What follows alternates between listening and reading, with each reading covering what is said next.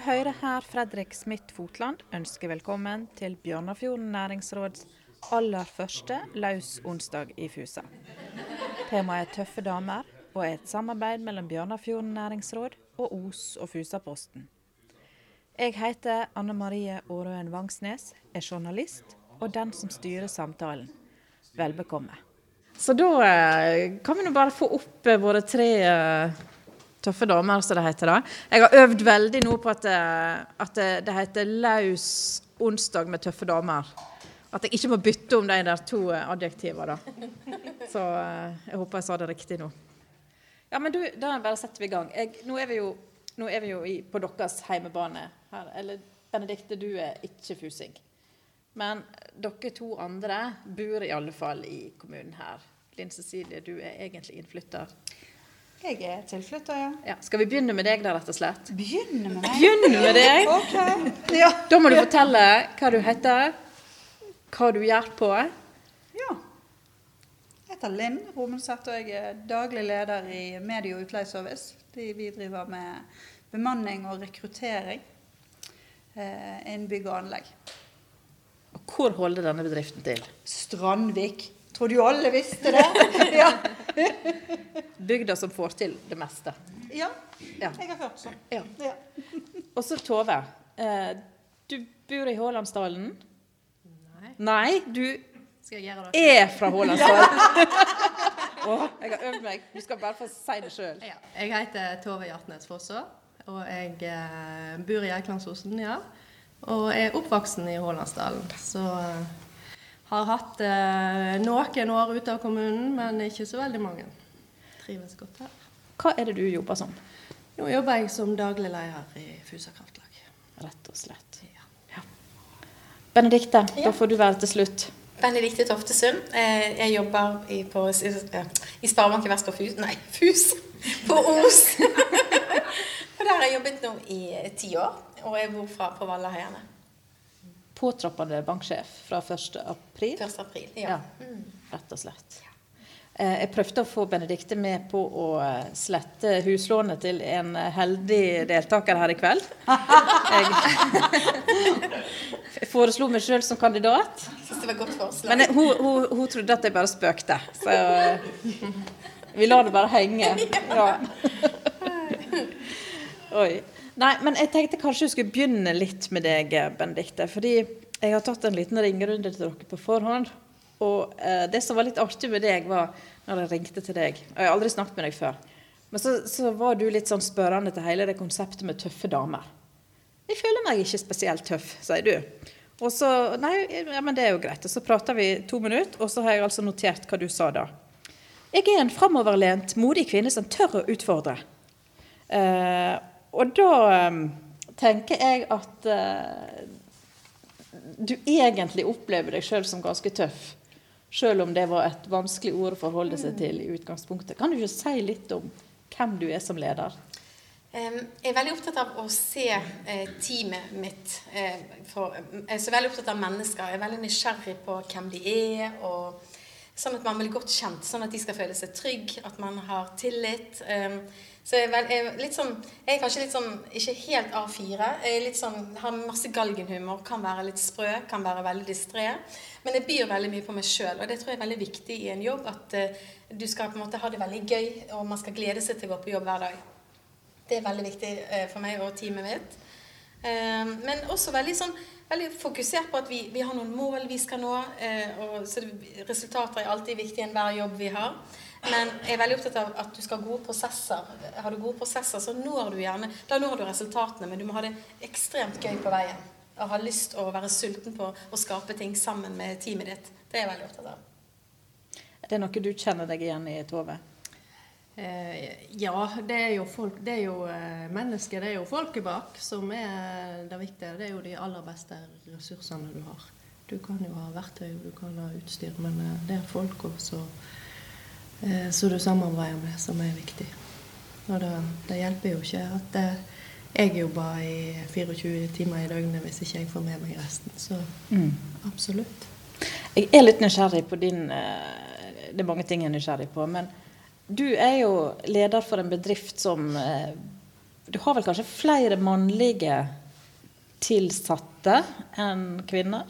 Ja, det har jeg. Kan ikke du fortelle litt om eh, hvordan du endte opp som eh, toppsjef? For du har en ganske sånn annerledes bakgrunn.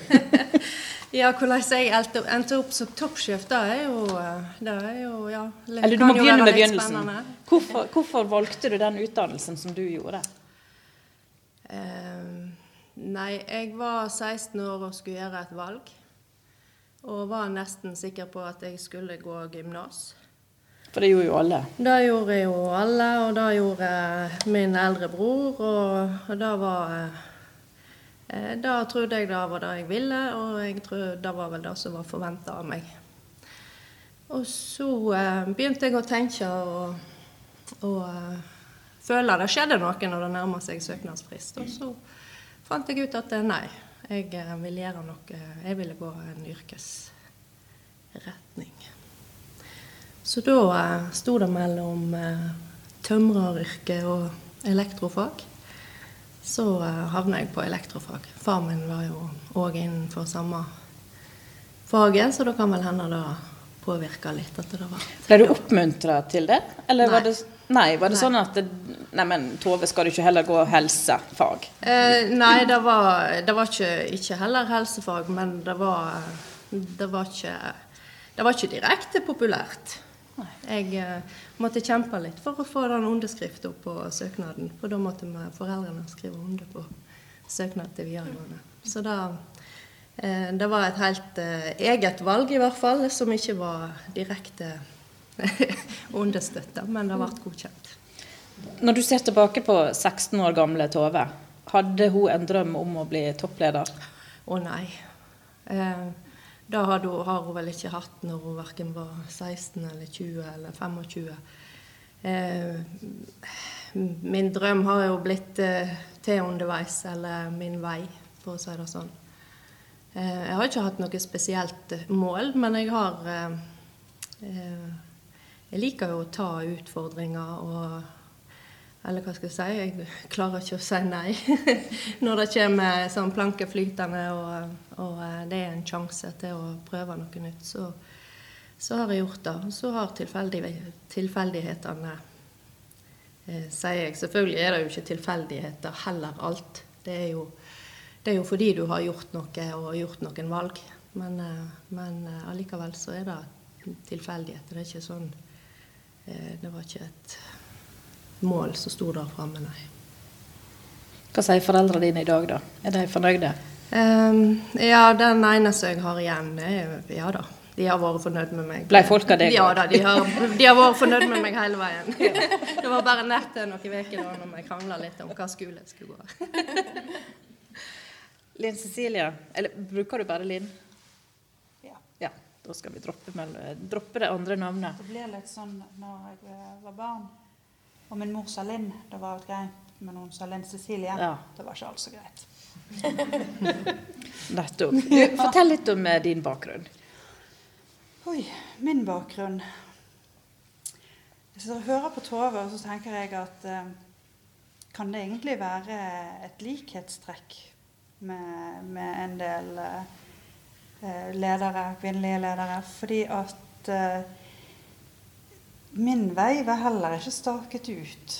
Jeg hadde heller ikke tenkt å bli leder. Egentlig så tenkte jeg da jeg, eh, da jeg var yngre og studerte og begynte i arbeid, at jeg syntes egentlig det var det var vanskelig å lede. Dette var egentlig kanskje ikke noe for meg. Men eh, når jeg tenker gjennom det, så var jeg ferdigutdannet som 24-åring, og i dag tikker jeg mot 38. Jeg har jo kun hatt lederstillinger. Hva er det du, hva er, det du er utdannet som, da? Ja, hva jeg er utdannet som eh, For meg var, eh, var gymnas Det var åpenbart. Det var det jeg skulle. Eh, Men veldig greit, for jeg kommer fra en familie der min mor sluttet på skole i 8. klasse, og pappa sluttet på skole i 9. Sånn at det var veldig, var veldig viktig for de at jeg gikk på skole. Og jeg funket på skole. Jeg hadde skolehode, så det var helt greit. Jeg var ikke i topp, toppsjiktet, men jeg klarte meg, og det var ok. Så når jeg var ferdig på videregående åh, da var jeg lei. Herre min hatt. Men hvem var ikke det når de var ferdig på videregående? Eh, så da begynte jeg å jobbe i eh, Rema 1000. Tok du et friår? Jeg tok meg et friår. Ja. Og så eh, fikk jeg en kjempespennende leder. Han var mann, da. Så da tok jeg jaggu meg et friår til. Og så eh, fikk jeg hastverken vår Nei, jeg skulle begynt på de der studiene mine. For jeg er veldig sånn når jeg bestemmer meg for noe, så, så gjør jeg det. Så jeg stakk nå ned på BI jeg og hørte om jeg kom inn, selv om søknadsfrister og alt sånt var over. Jo da, det var ikke noe problem. Så jeg begynte på økonomi og administrasjon. Men der òg, eh, etter et halvt år, så tenkte jeg eh, Tenk hvis jeg får en kontorjobb. Må sitter og jobber på et kontor. Var det skrekken, det? Ja, det var skrekken. Ja. Og eh, se hva jeg gjør i dag. og, eh, så da byttet jeg til varehandelsledelse. Så jeg har bachelor i varehandelsledelse med spesialisering i dagligvare. Ok. Ja, det, det har jeg faktisk aldri hørt om engang. Så det Nei, jeg var første i mitt kull i Bergen som var utdannet innen det. Men det er gründerskole, kalles det. Ok. Varehandelsledelse. Ja. Det får vi notere oss. Retail management. Oh. Ja. Alt, alt er flottere på engelsk. Ja. ja betalt norsk. Uh, nå snakket jeg meg bort. Ja, nei, men, men, men du, den røde tråden her er jo på en måte det at en blir leder nesten uten å kanskje søke det sjøl, da. Ja. Men det er, er det fordi at en på en måte er nesten født til det? At en er Altså Det sier jo det at en leder er jo ikke en som bare har en sjefstittel, men det er jo en som folk følger. Det er det som kjennetegner en leder. Og da er du Ansvar. Ja. Ansvarlighet. Det tror jeg at eh, de to damene der vil nikke anerkjennende til. Det handler om å ta ansvar. Og da må jo du se mennesker. Da må jo du bry deg om dem. Da må du klare å samle dem mot et felles mål. Så det er jo egentlig Det er jo de samme tingene vi peker på, men med forskjellige ord. Mm. Benedikte, eh, påtroppende banksjef, eh, tobarnsmor. Eh, var det opplagt for deg at du skulle inn i lederstillinger, eller har det vært litt eh, tilfeldig Det òg? veldig tilfeldig. Jeg har egentlig aldri hatt noen plan om det. Jeg vokste opp med en mor som hadde frisørsalong, eh, og min far er musiker. Og så ville min mor Jeg husker veldig godt jeg har kosset hår og vasket eh, på frisørsalongen til min mor siden jeg var bitte liten. Jeg var tidlig et nøkkelbarn eh, fordi begge foreldre jobbet mye. Eh, Og så husker min mor sa nå, nå Eller jeg tok eh, gymnaset. Jeg, jeg liksom fulgte nok strømmen fram til gymnaset. Og så ville min mor sende meg til, på sånn frisørskole i London, og hun tenkte at nå skal du overta frisørsalongen, og du skal bli frisør. Og da, da var det første gang jeg tenkte at nei, det vil jeg ikke bli. Sånn at da var jeg veldig bestemt på at nei, det, det er ikke min retning. Men så, eh, så var jeg veldig usikker, så jeg, hoppet på noe som på Bergens språk- og sekretærskole etter gymnaset. Da, da lærte man touch-metoden, og det, da kjente jeg konkurranseinstinktet, for da satt vi x antall jenter og skulle skrive fortest på skrivemaskin, så det var dødsgøy. så, men etter det så mm, traff jeg tilfeldigvis to eh, gamle venninner som jeg ikke hadde sett på lenge, på fest. Og de skulle til Frankrike for å stå på ski og lære seg fransk i eh, det var andre halvår etter jeg var ferdig på gym. Så da tenkte jeg at det hørtes veldig gøy ut. Så vet du hva, jeg ble med dere. Så da reiste vi tre jenter til Frankrike. Vi hadde ingen steder å bo. Eh, Vi hadde bare med oss bagasje i eh, Og så gikk vi, husker jeg veldig at da gikk vi på en bar, og så lurte vi på om det var noen som kjente noen som hadde en eh, leilighet å leie til oss. Eh, Men det var det ikke. Men det endte opp med at tre jenter bodde på ni kvadratmeter i syv måneder. Og vi bodde på Vi snekret eh, klesskap og på var skikkelig sånne skibomser. Og hadde det veldig gøy. skiboms, Ja, skikkelig bohem. Ja. Så det, det var veldig gøy. Det var sånn, du bare da kjente litt på at um, Og det har kanskje preget meg. Jeg, jeg, jeg liksom, du bare seiler på det som litt sånn tilfeldighetene skjer. Det har ikke vært noen sånn konkret plan på livet. Så, og så sånn er jeg litt enda, at du dukker bare opp i ting. på en måte. Men Det er kanskje en mening med det, men jeg har aldri reflektert så mye over det. Men eh, når jeg kom hjem fra Frankrike, så da hadde jeg fått sånn, tenkte jeg, nei, jeg har lyst til å gjøre noe. Jeg har alltid interessert meg for finansbransjen, sånn at jeg, jeg fant ut at det, det er økonomistudier jeg kommer til å henge med på. Men det var også en tilfeldighet, for da var kjæresten min han var på vei til fly, uh, han skulle bli flypilot i USA. Så tenkte jeg at det hørtes gøy ut i USA. Jeg ble med. så da, da reiste jeg til USA sammen med han, og så, Uh, så han tok sin utdannelse. Og så eh, ble vi der i fire år, og så eh, var det eh, ja, da ble jeg ferdig med økonomistudiene. Så du, tok, du studerte i USA ja, da, mens han ja, okay. jeg gjorde det ferdig. Eh, like, jeg husker en gang da jeg, var, jeg flydde jo, Han flydde sånne bitte små fly som heter Cessna 152. Og, så det er egentlig rart at jeg sitter her i dag, fordi vi holdt på å krasje i Las Vegas. det gikk hull i flyet, så at du igjen bare tenkte Shit, men vi klarte å lande. Så, da, var, så jeg er litt sånn Jeg bare er kanskje litt sånn uredd av og til, og det er ikke alltid så fornuftig. Sånn at eh, Det lærer man seg litt underveis jo eldre man blir. Men du gambla ikke når du var i Las Vegas? Du er ikke en Eh, Nei, jo, faktisk. Du gjorde jeg gjorde det? det òg. Men det var med begrensede studiepenger. Ja, ok.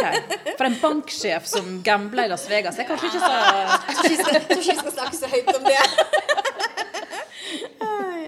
Så, ja, så det var det. Og så når jeg kom tilbake igjen fra studiene, så var det veldig dårlig arbeidsmarked. Så da tok jeg egentlig alle mulige jobber.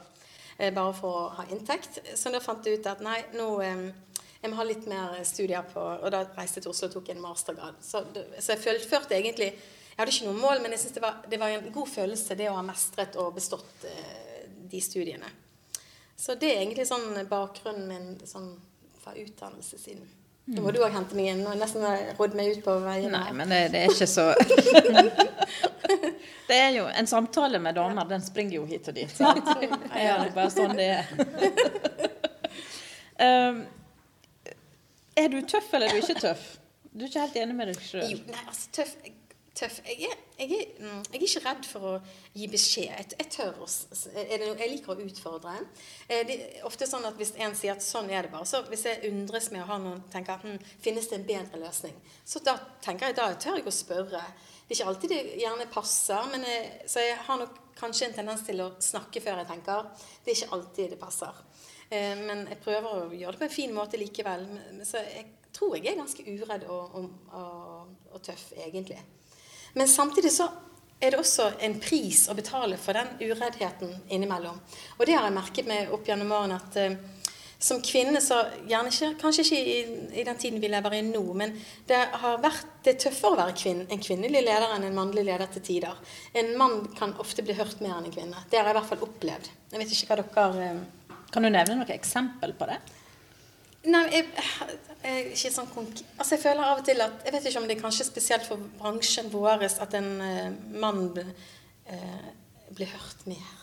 Har mer autoritet på en måte enn en kvinne. Jeg, men jeg har ikke noe sånn konkret eksempel som jeg kommer på akkurat nå. Men Uh, Men du har opplevd det jeg flere har ganger? opplevd det flere ganger egentlig at vi må av og til snakke to ganger for å få den standingen gjerne enn en mann.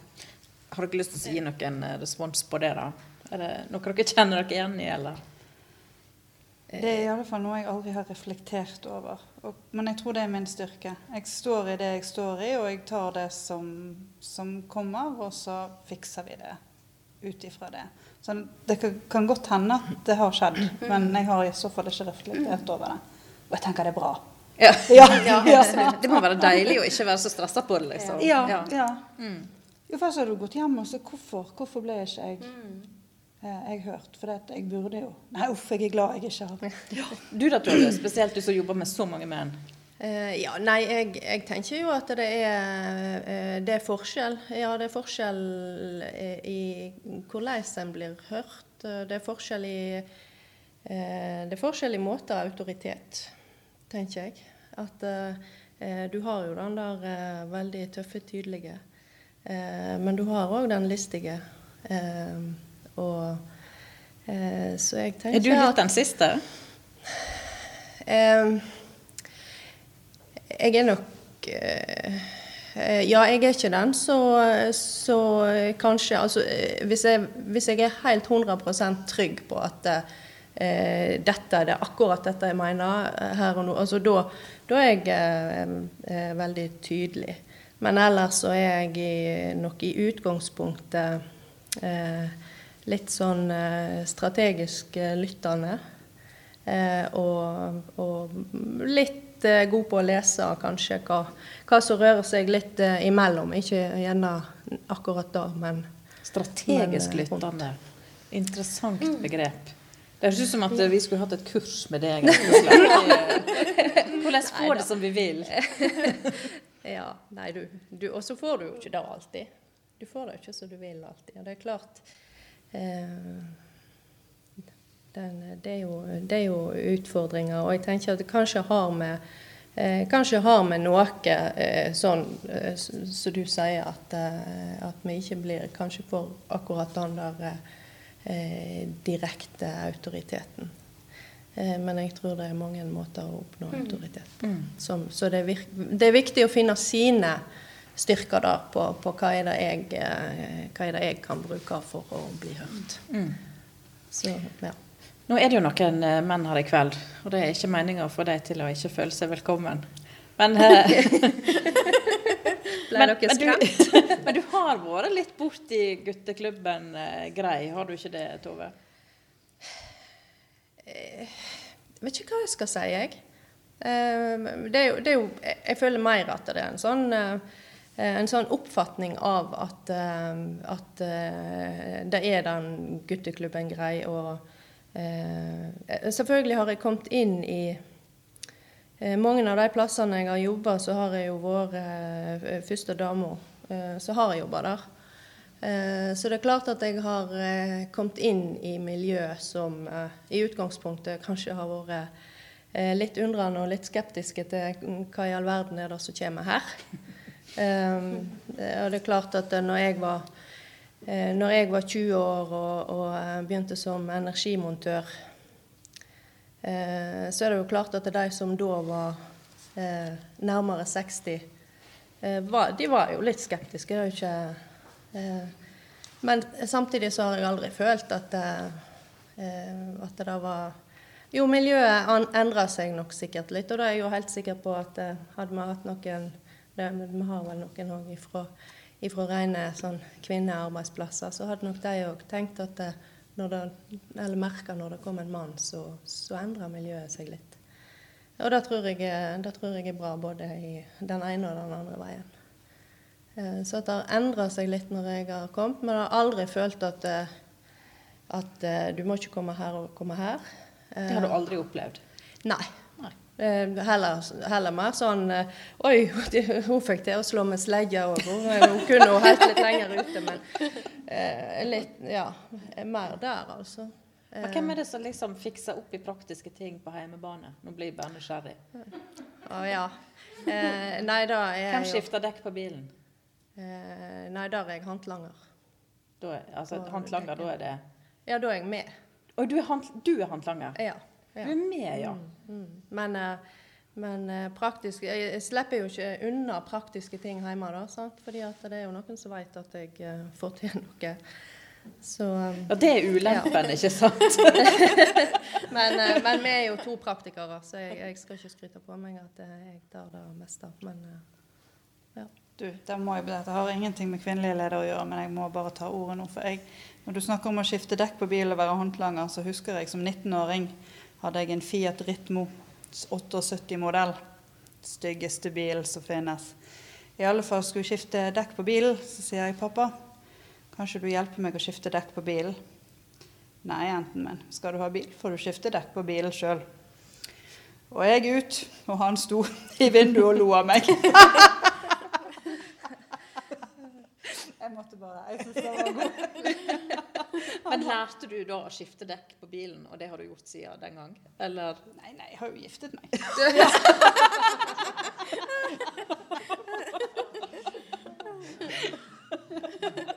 Klart det. Noen fordeler skal altså, en ha. Jeg klarer det hvis jeg vil. Men det er helt greit at noen andre gjør det for meg. Ja. Så det var ikke noe sånn pedagogisk læring i akkurat den episoden? da? Nei, men det er jo litt jeg er kanskje ikke så flink til å tenke over det, men når du er oppdratt sånn at skal du ha bil, så får du skifte dekk på bilen sjøl. Uh, eh, gikk tom, fikk oljelampen lyst en gang og ringte til pappa.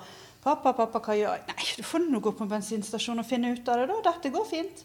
Altså, kan jo hende det er det som gjør at vi er Og du tenker jo ikke gjennom sånn egentlig hvordan du er oppdratt. Er ikke det sånn vi er som mennesker, at sånn vi er oppvokst, sånn tenker vi egentlig at de fleste andre òg mm. har hatt det? Mm. Vet ikke. Litt tilbake til gutteklubben Grei, da. Eh, Benedikte, har du noen du, du, har litt erfaring med det, iallfall. Eller? Nei, altså det, det finnes alltid, tror jeg. Uansett hvordan vi vrir og vender på det. I, på egen arbeidsplass også. Så det, jeg vet ikke om det er bare et begrep gutteklubben grei. Ja, er det en myte? Jeg tror det er mer en myte. Og så kjenner noen ganger sikkert på at noen kanskje kan rotte seg litt sammen, at man kan føle det. Men jeg tror kanskje det er mer en myte. Men at det eksisterer, det, det tror jeg nok òg. Men eh, kanskje i mindre format enn før. Kan det være vanskelig å være mann på en arbeidsplass med veldig mange damer? Altså, Ja, det tror jeg. Eh, Jeg har jobbet mye med menn i, eh, opp gjennom årene også. og Det, det er forskjell, og det må jeg bare berømme menn for, for de er mye enklere å forholde altså, altså, Ja, men altså For der er det, det er lite følelser, det er veldig konkret. Sånn er det bare, og sånn gjør vi det. Sånn at det, Jeg sier alltid et, et arbeidsmiljø bør bestå av både menn og kvinner, for det, det blir en god balanse på. Det, for mye av det ene er like gale som Det er i hvert fall min erfaring. Helt klart. ja, det er dere enige i, alle tre, eller? Ja, når det kommer i dagligvarehandel, der er jo det i overvekt kvinner. Og jeg trodde jo helt ærlig og oppriktig etter å ha vært mange år i de dagligvare, at jeg ikke likte å jobbe med kvinner. Og så etablerte jeg min egen bedrift, ansatte kun kvinner. Og vi går under navnet Team Crazy Ladies, for vi har det sinnssykt gøy på jobb. Lite intriger, lite baktaling, lite klikking. Ja, det funker. Ja, altså, jeg, jeg har sagt til dem at jeg trodde ikke jeg likte å jobbe med kvinner, men dette er jo faktisk kjempegøy. Dette funker jo. Det er jo et uttrykk 'kvinne er kvinne verst'. Hvordan har det vært altså, Når en da som, som dame får en lederstilling, eh, klatrer i systemet eh, Misunnelse, har dere noe Er noen som har opplevd det, eller er det Er det sånn at en heier på hverandre? Jeg har ikke opplevd det, men, jeg- men jeg forstår veldig godt begrepet. Eh, Og jeg, eh, jeg, eh, jeg har ikke opplevd det på kroppen, men jeg, jeg har nok sett rundt meg. Ja. Absolutt. Så og er nok eh, Jeg tror kanskje det er mer tilfelle. For det, det som Benedicte sier, sant, at eh, eh, at menn, Jeg har jo alltid jobba med overvekt av menn og har, eh, har eh, trives veldig godt eh, med det. Eh, Jeg vært, var vel ei guttejente òg i sin tid, så, så litt naturlig sånn. Eh, Men det er, det er skvært og enkelt og, og direkte. Eh, Og, og eh, selvfølgelig er det nyanser. eh, Det er det i alle, alle kjønn. Men det er flere menn som eh, eh, Hvis de sier at stolen står der, så står han der og ikke bak en annen plass. Det er litt mer er litt- ukomplisert. Litt mer eh, Flere damer har litt, eh, litt vanskeligere for å si det direkte. Det blir, blir mer sånn at en prøver å pakke det inn litt, og så blir det feil. Mm. Så Så si det sånn som det er. si det At vi er. damer kan bli litt flinkere til det, kanskje. Ja. Ja. Um, det er forskjell på menn og damer. Er en på en måte, eller sånn Heldigvis. Selvsagt så fins det liksom mer eller mindre, og det fins alle varianter. Men, men det fins kanskje noen sånne hovedtrekk som er litt forskjellige.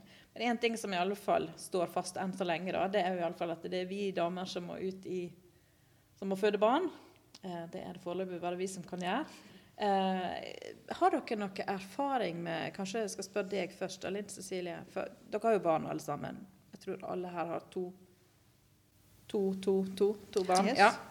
Eh, hvordan er det å komme tilbake eller For det første det å gå ut i svangerskapspermisjon og det å komme tilbake. Har det vært uproblematisk, eller er det vanskelig? Altså blir det, har han opplevd noe diskriminering, eller?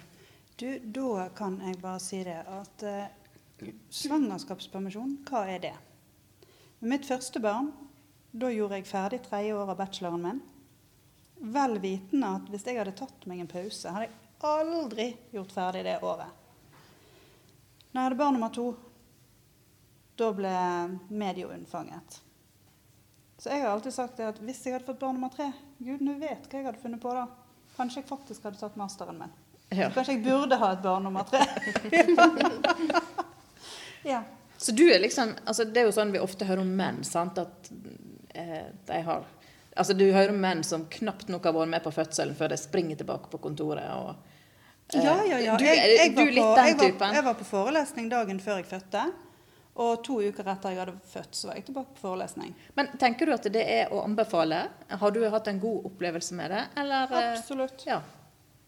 Jeg har eh, selvfølgelig Men kanskje jeg er veldig enkel. Kanskje jeg er litt, eh, litt mann Ja. i hodet. Mm. Fordi at Å, gud, er ikke det fælt å, å reise fra barnet ditt? Når jeg jobbet i Oslo og jeg var hjemme og så han i helgene. Men hva skal du gjøre, da? For meg er det et valg. Skal jeg gå arbeidsledig, eller skal jeg ta den jobben jeg får, og faktisk stå i det? Pendler du? Det, det, må du fortelle litt om. Altså du Ja. Ja, mann og barn var her, og du jobber i Oslo? Nei, meg og, uh, jeg er ikke gift med mannen til min første, så meg og, meg og han vi gikk eh, fra hverandre uh, rett etter jeg var nyutdannet og fikk jobb som distriktsjef i Lidl. Så du ble aleine med ansvaret Ja. samtidig som du Så, fikk så for meg sto det der veldig sterkt. Uh, altså dette her, jeg, jeg er litt sånn ytterkantmenneske. Altså, skal jeg være alenemor på Nav? Glem det! Jeg skal jobbe. Og da var det bare å alliere seg med mine foreldre. De tok seg ut av min sønn. Jeg hadde venninner som stilte opp og hjalp til med han. Og jeg har virkelig jeg har gått inn i meg sjøl og tenkt Burde ikke du ha litt dårlig samvittighet, du som er kvinnelinn, for at du reiste fra barnet ditt? Nei, aldri hatt fnugg av dårlig samvittighet. Gutten har hatt det kjempefint, og han er en flott fyr. Ja. Sånn er det. Skulle nesten hatt en liten applaus. men, men da, var du, da var du i Oslo og jobba der i vekene? Eller altså, pendla du en del, da? Ja, det var fint, for når du jobbet i Lidl, så gikk du eh, Tok en halv dag fri hvis du gikk hjem fra jobb etter 11 12 timer. Ja. Ja, det var litt spesielt. Uh, det var ikke sånn for de som jobbet i butikk, men for vi på en måte distriktssjefer og salgssjefer oppover, da var det veldig sånn tydelig på hvordan det skulle være. Men det har lært meg arbeidsmoral. Jeg tror det har eh, gitt meg jeg ville, Hadde jeg fått valget om igjen, hadde jeg gjort det igjen. altså. Men jeg sikkert også sluttet etter et og et halvt år, så jeg gjorde det. Og samtidig så tenker jeg, er det sånn at det må være enten-eller? Altså må en ofre så mye familieliv på en måte for altså Nå var det jo spesielt med det at du ble alene om ansvaret. Eh, Men det var jo få sant? Det var få som hadde hørt om utdannelsen min. Der òg hadde jeg noen valg. Jeg kunne, jeg kunne liksom tatt en jobb som uh, type vareplasserer selger i Gilde. Det var jo ikke det jeg ville. Jeg ville jo ha noe mer spenstig. Jeg ville ha noe mer utfordrende. mm. Så det er på en måte det som har drevet meg, utfordringen i det. Ikke, ikke stilling, ikke tittel, men at det er gøy, at det er spennende.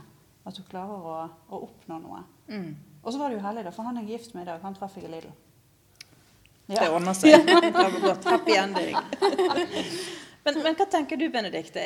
For du òg har jo hatt et par svangerskapspermisjoner. Men, men eh, må, må en leder ofre på en måte familielivet? Altså enten det er mann eller kvinne, liksom? Nei, jeg tror det er veldig individuelt. Så jeg har liksom to perspektiv på det. Eh, når jeg fikk min datter for 19 år siden, så eh, da jobbet jeg i et, et selskap som het Skandia Fondsforvaltning. Og når jeg kom tilbake fra den permisjonen, så ble jeg tilbudt en lederrolle. Og da hadde jeg vært vekke i 8 12 måneder. Men, eh, men den gang så var jeg nå Da eh, hadde jeg en avisartikkel, husker jeg, som jeg fortalte deg litt om. Eh, da var, da var det en, sett, eh, en forsker på Handelshøyskolen som mente at det var en kvinne burde aldri ha lengre permisjon enn tre måneder. Barnet burde gå i barnehage fra de var tre måneder. Uffa. Og da husker jeg var, var liksom helt Vi og meg og flere eh, kollegaer på jobb, da hisset vi oss skikkelig opp. fordi det, det mente vi var helt uhørt. å sende, Har du først valgt å få barn, så sender ikke du de i barnehagen etter tre måneder. Så det ble en liten sånn disputt på det, da. Men så det har jeg tenkt på Når jeg først fikk barn, så var jeg nok da hadde jeg lyst til å være til stede 100 og ikke tenke på jobb. Så derfor var det veldig gledelig å komme tilbake og faktisk få en, en lederjobb. Eh, Men det, jeg mener at det valget er veldig individuelt, og jeg tenker også på fedrekvoten som er nå i forhold til at eh, nå blir man på en måte tvunget ut, og gjerne være er det ti uker fedrekvoten er nå. Og det, det syns jeg er litt feil, for det, det må hver familie få lov å bli enige om og diskutere hva som passer for familien. For man er så opptatt av bare at fedrene skal ut, men det er ikke sikkert at det er rett eh, for, for hele familien. Så, så det har jeg tenkt litt på. Men når jeg fikk min eh, sønn, som er 14 år nå, da eh, hoppet jeg av eh, karrieren min og startet en barnebutikk. sammen med to venninner. Det har du gjort òg. Det har jeg gjort, ja. Eh, Og da, det var en sånn drøm som kanskje var mer de andre to sin drøm, men jeg syns det hørtes så gøy ut at jeg vil være med på det. Den har vi hørt før. Bare rød tråd hele livet. så da, da jeg, hadde, eh, var jeg hjemme med han Da begynte jeg å eh, rigge til denne butikken når han var fire måneder. Så da ble det en slags kombinasjon av å få den opp og gå og eh, være hjemme med han. Så, men jeg er veldig opptatt av å være til stede. For meg er familie utrolig viktig. Det er de som jeg vil prioritere først, og så er det jobben. Så må du finne balansen. For det, jeg tror det er også et viktig signal å sende resten av teamet ditt at eh, det, er, det er en helhet her. Og eh, vi skal ikke bare jobbe oss i hjel, men det handler om å jobbe smart og effektivt. Hvordan er det å være altså, Nå blir jeg nysgjerrig. da. Hvordan er det å liksom eh, som, som sjef å ringe og fortelle at 'nei, i dag har jeg har sjukt barn, jeg må være hjemme'. Og så, altså, det aksept, Har dere opplevd aksept for det, eller er det liksom at mm. Skulle heller hatt en mann. Han hadde ikke Nei, jeg har i hvert fall bare, hatt, eh, opplevd positivitet rundt det. Det har ikke aldri vært noe problem i de jobbene jeg har hatt. Og ringer noen inn og sier de er syke, så er det selvfølgelig ok. Da løser vi andre eventuelle utfordringer som dukker opp på veien. Det er helt legitimt å få lov å være syk. Ja. Mm. Må spør deg òg, da, Tove. Er det svangerskapspermisjon og Dine barn vil også begynt å bli store nå, sånn at eh, du har vel ikke så mye sykedager lenger. Men Nei. hvordan har du opplevd det? Å kombinere? Eh, nei, vet, nå har jo eh, eh, Toppleder har jo ikke jeg vært annet enn eh, to år eh, To og et halvt år cirka nå på eh, Etter at ungene er iallfall blitt så voksne at jeg ikke har vært hjemme med dem når de har vært syke. Eh, så nå er de 18 og 20, så de eh, klarer seg jo sjøl. Eh, men til familie og jobb så er det jo helt klart ja takk, begge deler. Og, og Nei, altså Jeg har ikke hatt noe problem med, med sykdom. Jeg jo, jeg og min familie har vært veldig heldige som har vært veldig mye friske, da. Så da, da henger du deg ikke så mye opp i, eh, i det. Og der er vi jo det òg er veldig forskjellig fra person til person og familie til familie. Noen har mye større utfordringer enn andre, og da må vi jo eh, da må vi anerkjenne og, og godta. Det er jo det viktigste. Det, det er fellesskapet, det er totalen, som utgjør resultatet. Mm. Nå ga du egentlig en litt fin mulighet for deg, eh, Linn, til eh, For jeg vet at du Ja. Du har, eh, apropos sykdom, så eh, det, Vi har snakket litt på forhånd. Mm, Eh, Men eh, der har livet ramma litt hardt de siste par åra for din del. Eller du sa at Ja, for jeg syns egentlig det at det har vært ganske urettferdig. Jeg har jo eh, et barn med skjult funksjonshemning. Det nevnte jeg faktisk ikke Nei. til deg. Ehm,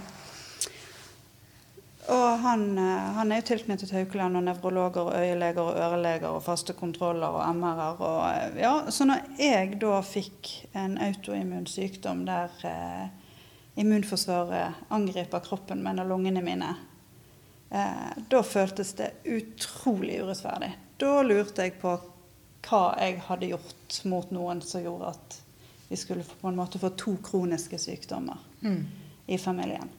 Men min trenger ikke bli kronisk. Så meg og legene vi er enige om at vi går for frisk. Ja. Ja. For det er, det, det er heldigvis gode prognoser, da. De Ja, mellom, eh, mellom eh, 70 og 90% alt etter som hvilket forskningsmateriale du leser, de, eh, de blir friske. Men du sa det at det har forandra deg som leder. Ja, Det å bli sjuk. klart det. Eh, når du eh, som leder må over på arbeidsavklaringspenger og skal få lov å jobbe 15 timer i uken, eh, få lov og få lov, jeg hadde ikke klart så mye mer. Eh, det sier jo seg sjøl at da må det gjøres endringer. Så selv om jeg på en måte er, er hun som eh, eh, Jeg mener sjøl jeg har balanse, bare sånn innspill på, på eh, familie- og privatliv. altså det tror jeg, men, men likevel har jo jobben har jo vært hobbyen min òg. Du elsker å jobbe. Ja, du må jo, eh, du må jo gjøre noen endringer. Jeg har vært så heldig at jeg har kjempedyktige medarbeidere med meg. Kjempedyktig styre. Og det har aldri vært et spørsmål om vi skal gjøre noe på en måte annerledes i forhold til min lederrolle. Det har bare vært hvordan kan vi støtte opp under og hjelpe, og hvordan kan vi få best mulig drift til. Så jeg, jeg tenker jo jeg er heldig. Mm. Så de har aksla ansvar når du trengte det? Absolutt. Så da kan du tenke, hvis jeg hadde vært frisk og fit for fight, sant, så er jo jeg like lett å detaljstyre og var jo navet i virksomheten. sant? Så jeg Det er jo en styrke for virksomheten, egentlig. At folk har fått lov å komme mer frem. At de ser at det er ok. At de, de både får anerkjennelse og, eh, og føle mestring med det de gjør. Så, Så det er noe godt med det òg, faktisk? Ja, jeg tenker faktisk det. Jeg sto og sa det på kontoret før, du ringte. Så jeg, jeg tror det. Jeg tror dette har vært positivt for oss alt i alt. Selv om det har vært litt utfordrende og noen tunge dager innimellom, så tror jeg dette her er, er positivt for organisasjonen. Ja jo, de måtte jo si seg enig med det. ja. Så eh, Er du i 100 jobb nå, eller er Nei. du Nei? 40 40 ja. Ja. Og jeg er veldig opptatt av dette her da, som, eh, som leder i min egen bedrift. Og det å ha oversikt over hvor mye tid jeg faktisk bruker. Så jeg logger hver eneste dag. eh, For jeg må jo fylle ut eh, meldekort. Ja. ja. og nei da, jeg er opptatt av det at tiden skal brukes rett. Og der igjen òg ble jo det jobbe 24 timer i døgnet. Jeg må jo faktisk jobbe effektivt på den tiden jeg har. Mm. Så eh, Vi forbinder jo gjerne dette med altså lederansvar og lederstillinger med noe veldig vellykka og glansa og mm. Ja, at det, det Så vi har kanskje litt godt av å se at for, for hvem som helst av oss kan jo bli syke. Ja, og det var faktisk derfor jeg ba om at det ble tatt opp. At faktisk ledere kan bli syke, de òg. De kan bli langvarig syke. Jeg eh, spiser kortisontabletter og har gjort det i ett og et halvt år. Det er jo djevelens medisin. Den eh, gjør lungene mine friske, men det har jo så mye bivirkninger at det er jo helt forferdelig. Men vi kan fremdeles være i jobb. Jeg var på rehabilitering på LHL-sykehuset, og der var det en eh, fantastisk mann. Jeg kunne jo relatere meg veldig til yrket hans, for han hadde vært eh, leder i, eh, i dagligvare. Så han, eh, han hadde fått kols, veldig kraftig angrepet av kols. Så sier jeg, men kunne du ikke tenkt deg å fortsette i jobben din? spurte jeg han om.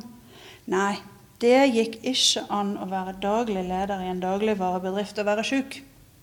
Og der og da så tenkte jeg ja, ja. Så reflekterte litt over det etterpå. Så tenker jeg nei, det er feil. Fordi at du skulle hatt gode folk med deg. Istedenfor én assisterende leder, så hadde du to assisterende ledere. Og så hadde du ordnet det med arbeidsoppgaver.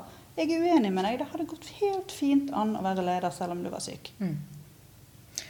Det handler litt om denne frykten for det altså, Eller denne jakten på det perfekte som vi er så opptatt av kanskje i, i vår tid. Jeg vet ikke. altså... Nei, jeg vet ikke. Jeg tror vel kanskje at uh, eh, Jeg tror kanskje at eh, da at du tar på deg et eh, eh, lederverv Hvis jeg hadde hatt den der eh, eh, perfektfølelsen, at alt må være perfekt, jeg må kunne alt, så hadde jeg aldri hatt den jobben jeg har i dag. Eh, da hadde jeg ikke tørt. Eh, du må tørre å Eh, Du må tørre å ta en sånn jobb selv om du vet at du ikke Du vet jo at du ikke kan alt. Sant? Eh, Du må, du må finne ut eh, beste måten å gjøre det på, og så eh, går du på trynet noen ganger, og så er du god på noe og, og ikke på annet. Og så er det jo det der å mm, bare prøve å dra det ned litt. Sant? For, for min del så er det jo mitt kollegium, da, hvis jeg går ut til andre hva skal man si, tradisjonelt kraftlagssjefer, eh, så er det jo klart at eh, jeg møter jo en eh, overvekt av menn som er 10-15 år eldre enn meg. Og da er det veldig lett å, å se litt stjerner og, og tenke wow, hvor, mye, hvor mye de kan, og, og bli litt sånn Føle seg litt Far min- liten. Far min sa gubba, gubba redd, så du må ikke være gubba redd. Jeg må notere det. var et uttrykk. Eh, så det er noe med det. Også, og, og, og gjerne plukke dem fra en annen, så ser du faktisk det òg når du har hatt, har hatt en del mellomlederstillinger og, og, og uh, vært tett på, på, ledelse igjen. Uh, og da òg gir deg jo noen erfaringer uh, på ulike ledertyper og, og sånt. Så en må bare dra med seg det en har, og så, og så av og til se Eh, kanskje se litt på andre personer som du har eh, ja, vokst opp i lag med, eller, eller, sånn. Hva jobber har de? sant? Noen sitter i store konsern. Hvis de kan det, hvorfor kan ikke jeg? Mm. Sånn, så, eh, og det tror jeg kanskje er største utfordringen til, til oss damer. Det er å, å eh, tørre å ta det selv om det ser litt skummelt ut. Det, det, er, ja. det, det aner meg at det kan sikkert begge dere si noe om. For de sier jo det sant at eh, en mann han tenker 'kommer til å få jobben', mens en dame tenker 'kommer til å greie jobben'. Ja. Eh, hvordan overbeviste Eller du tenkte kanskje ikke det, Benedicte, men, men, når du liksom Ok, når du blir spurt om å bli banksjef, da. Hvordan overbeviser en seg sjøl om at selvfølgelig skal jeg bli banksjef? Dette klarer jeg. Juhu. Nei, jeg tror det handler om eh, at eh, man må være trygg i seg sjøl. Eh, på at man behersker yrket sitt, og at man tenker at denne, denne jobben klarer jeg. Men det er nesten sånn som Pippi Langstrømpe også som sier det. Det har jeg aldri gjort før, men det, det kan jeg likevel, eller det vil jeg prøve likevel. Så du må på en måte ha litt sånn du må ha litt guts i deg. Men det som du sier, en mann vil gjøre Eller jeg husker selv når jeg leste stillingsannonsen, så hvis det var én ting jeg ikke kunne, så tenkte jeg å nei, da kan ikke jeg søke. Mens en annen ville kanskje bare ha søkt. Det er sånn typisk klassisk fra gammelt av. Men um, ja, jeg Nei, jeg har ikke egentlig råd, altså skal, Det er litt så spennende å tenke seg sjøl. Nå er vel er vi rundt sånn mellom 35 og 50 kanskje i alder her. Men hvis en, Vi snakket litt om Stemmer. Jeg er for mitt er gammel, ikke mye yngre. Jeg prøvde å liksom favne alle her. Men, men sant vi snakket om den 16-årige Tove, ikke sant. Eh, men hvis en ser tilbake, da, eller skulle gitt et råd til seg sjøl, eh, ja, kanskje som 16-20-åring, eh, som er ung og usikker og Linn, du høres ut som en som har liksom bare hatt masse pågangsmot hele veien. Men jeg har jo ikke det. Nei. For da jeg sitter og hører på Benedikt, så tenkte jeg åh, så tøff hun var som bare reiste. Til Frankrike og USA og for som ung så var jeg den som takket nei til å bo et år i Berkeley. Mm. Og da har jeg familie der i tillegg. Mm. Kunne ikke reist fra mamma. Hallo? Går Angrer du på det, eller tenker du bare at OK, men det er sånn jeg er? Nei, jeg angrer jo, jeg angrer jo litt på det. Og så er jeg litt forbauset over at Hvordan kan jeg da utad bli ansett som, som hun tøffe som får ting til? For jeg er jo, er jo egentlig redd og søker trygghet. Men likevel så er jo jeg gründeren. Så dette er jo ja. ja. Du er begge deler på en gang, antakeligvis. Mm, mm. Ja. Men jeg tror man har vel alle aspekter i seg. Man er utrygg og usikker på, innerst inne på mange måter. Så, det er sånn, tenker, men så handler det om sånn som jeg tenker, jeg hadde et møte med teamet mitt, og så, så hadde jeg kjent på at uh, ting var litt tungt innimellom. Men, men da, da, sier jeg det høyt. For det, går, det er viktig å dele både gledene og det utfordrende. For man skal ikke på en måte fremstå hele tiden som den tøffe. Jeg tror ikke det er oppskriften heller. Nei, men jeg tror Hvis du leser ledelseslitteratur, mm. så kan du gjerne få litt feil inntrykk. Jeg husker jeg gikk et sånt lederutviklingsprogram. og uh, Jeg er veldig fornøyd med det, jeg er veldig fornøyd med mentoren jeg hadde. Men, men etterpå merker jeg at jeg var, uh, var litt sånn opptatt, leste en del artikler om dette mm. her. Og da var det mye selvpisking. 'Å nei, det er ikke du god på, Lene, og det burde du kanskje bli bedre på.' Så en dag så bare gikk det opp for meg at jeg må slutte å lese sånn som dette her. Det er jo selvpinelse. Jeg må faktisk bare være den jeg er. Mm. Og, er. Og kjøre på. Ja. Ja. Men, men, det som jeg opplever Jeg fikk beskjed en gang om at, um, fra en av lederne mine at Benedicte, du, være, du, burde vært litt mer politisk korrekt. Um, det, du jeg har ikke vært så flink til å bygge din interne markedsføring. Og Da måtte jeg spørre han hva mener du med det. Nei, og da sa han det at det var veldig sånn, litt sånn frittale, utfordrende. Så sa jeg til han men det må jo, i denne organisasjonen så sier vi at vi har kultur for å ha takhøyde. At vi skal få lov å være oss sjøl. Så det du sier til meg, er egentlig at jeg kan ikke være meg sjøl. Mm. Ja, sa han, du må i hvert fall justere det litt. Grann. Men det, det, var veldig vanskelig for meg å akseptere. For vi må jo få lov å være oss sjøl. Hvis ikke blir vi en annen utgave. Så det handler om å være den beste utgaven av seg sjøl. Og det må være godt nok, tenker jeg. Men, eh, Ja. Ja, jeg er helt enig med deg, faktisk. Men, Ja. eh, Og da må jeg, var en mann som sa det til deg, sant? ja. Ja. ja. For jeg, jeg hadde en eh, mannlig eh, leder som hadde en del rare uttalelser. Du kommuniserer for konkluderende. Og da tenker jeg at nå i ettertid tenker jeg at han har lest litt for mye ledelseskultur. Ja. Hvis jeg får lov å lese noe for dere. Vær så god. Eh, For jeg er veldig glad i han eh, Per Fugeli. Eh, og eh, Nei, gud, hva er det jeg har tatt med meg, da? Det var jo en helt feil eh, Styrereferat, eller Dette var jo en helt annen. To sekunder.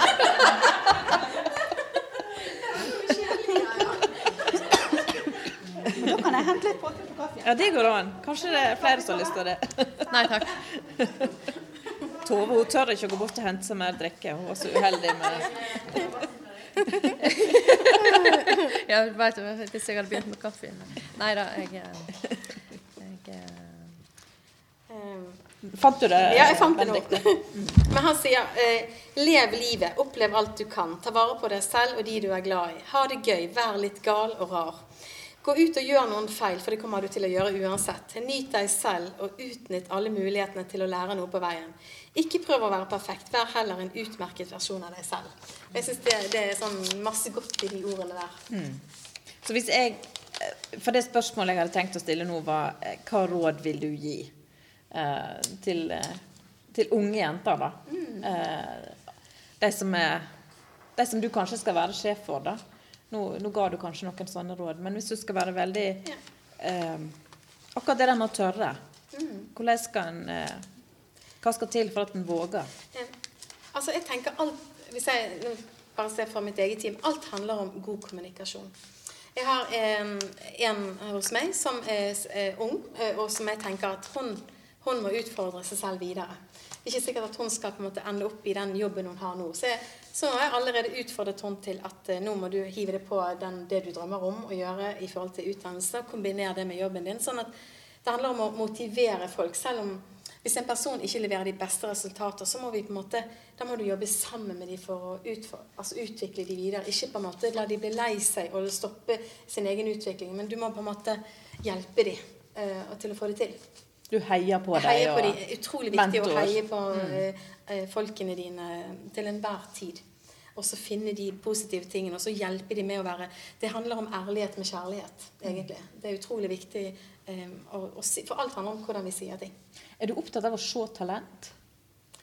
Eh, Nei, jeg har ikke tenkt så egentlig mye på det. Men man ser jo fort hvordan Etter en stund, eller det går ikke så lang tid før man gjerne ser gjerne de positive og de utfordrende sidene til folkene sine. Sant? Sånn at eh, det handler om at det, det som jeg er veldig opptatt av, er at ikke det skal gå årevis før en person får vite noe som jeg burde sagt for noen år siden. Altså Det handler litt om å se tingene underveis og gi tilbakemeldinger. Eh, ja, at ikke vi på en måte går og tenker at, og er forutinntatt og sier men den, den er bare sånn. Ferdig arbeid med den. Det handler om å snu det og tenke hva er det jeg kan gjøre for å utvikle det. Så jeg er veldig opptatt av utvikling. Tove, eh, vi skal nærme oss at vi går inn for landing her, men mm, gode råd. Vi vil jo gjerne høre. Eh, Du som, for du har jo en sånn litt utradisjonell vei. Eh, litt utradisjonell dame. Hva er dine beste råd til de som kommer etter?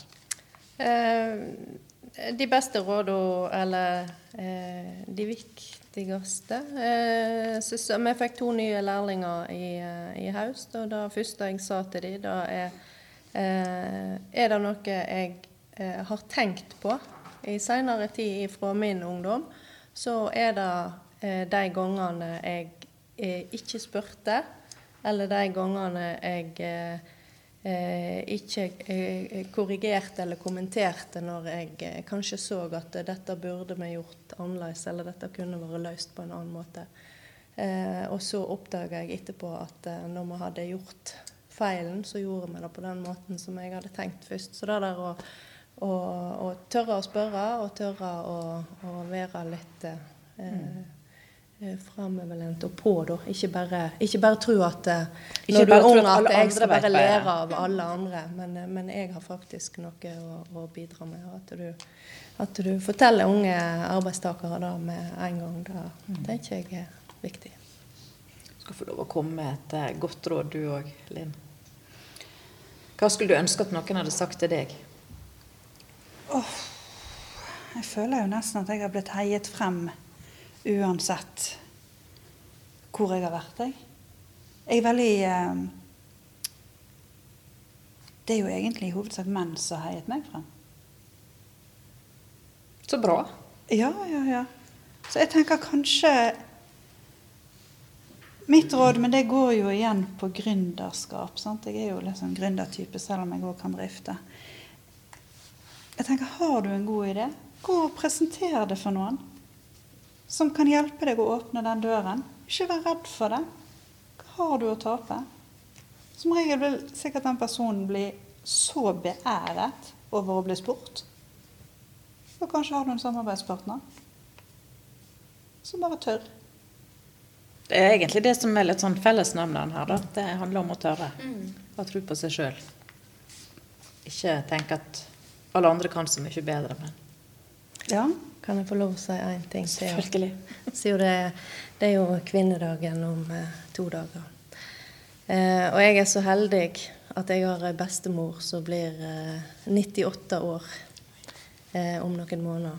Eh, og jeg var på besøk til henne i dag. Eh, og da eh, satt vi da og er nå alltid Åh, ja, du har nok en svære jobb, du, og, og, og det er nok en, eh, en fin jobb du har. Og, og ja da, jeg har vært heldig, sier jeg, og fått prøve mye forskjellig. Og, og så sa hun i dag at ja, hadde det vært andre tider, så hadde jeg blitt møbelsnekker, sa hun. Eh, og, og, så, så fortsatte hun òg litt med at eh, når hun var liten, så var hun med pappen sin og, og fikk lov å prøve seg litt med, med, med arbeid i, i snekkerverkstedet. Og, eh, ja, fikk prøve litt og, turte å vise det ute blant de andre. Så da sa jeg til henne at ja, men, men det er faktisk deres generasjon. Det er faktisk det som det har gjort. Altså de som er en generasjon eldre enn oss. Det er de som har gjort det mulig at vi kan sitte her og får alle de mulighetene som vi gjør. Så, så du, kan, du kan endelig snakke om eh, tøffe damer, men, men eh, vi har det enkelt i dag i forhold til for en generasjon siden. Så takk til deg. Det var egentlig et veldig greit punktum. Ja, jeg følte vi trengte litt mer løsning.